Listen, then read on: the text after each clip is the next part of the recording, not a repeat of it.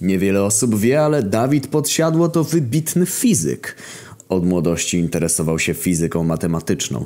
Już jako dziewiętnastolatek wygrał ogólnopolski konkurs naukowy Współczynnik X, po angielsku X-Factor. Zachęcony pozytywnym odzewem zaczął pracować nad własną teorią. Jego pierwsza znana publikacja Trójkąty i kwadraty zdobyła podziw wśród recenzentów. Dotyczyła bazy przestrzeni topologicznej figur. Od tego momentu prowadzi publiczne wykłady na terenie całej Polski. Ale dla niego to było mało. Po roku odcięcia się od świata i samotnej pracy wraca z nowym artykułem obalającym falę de Broglia.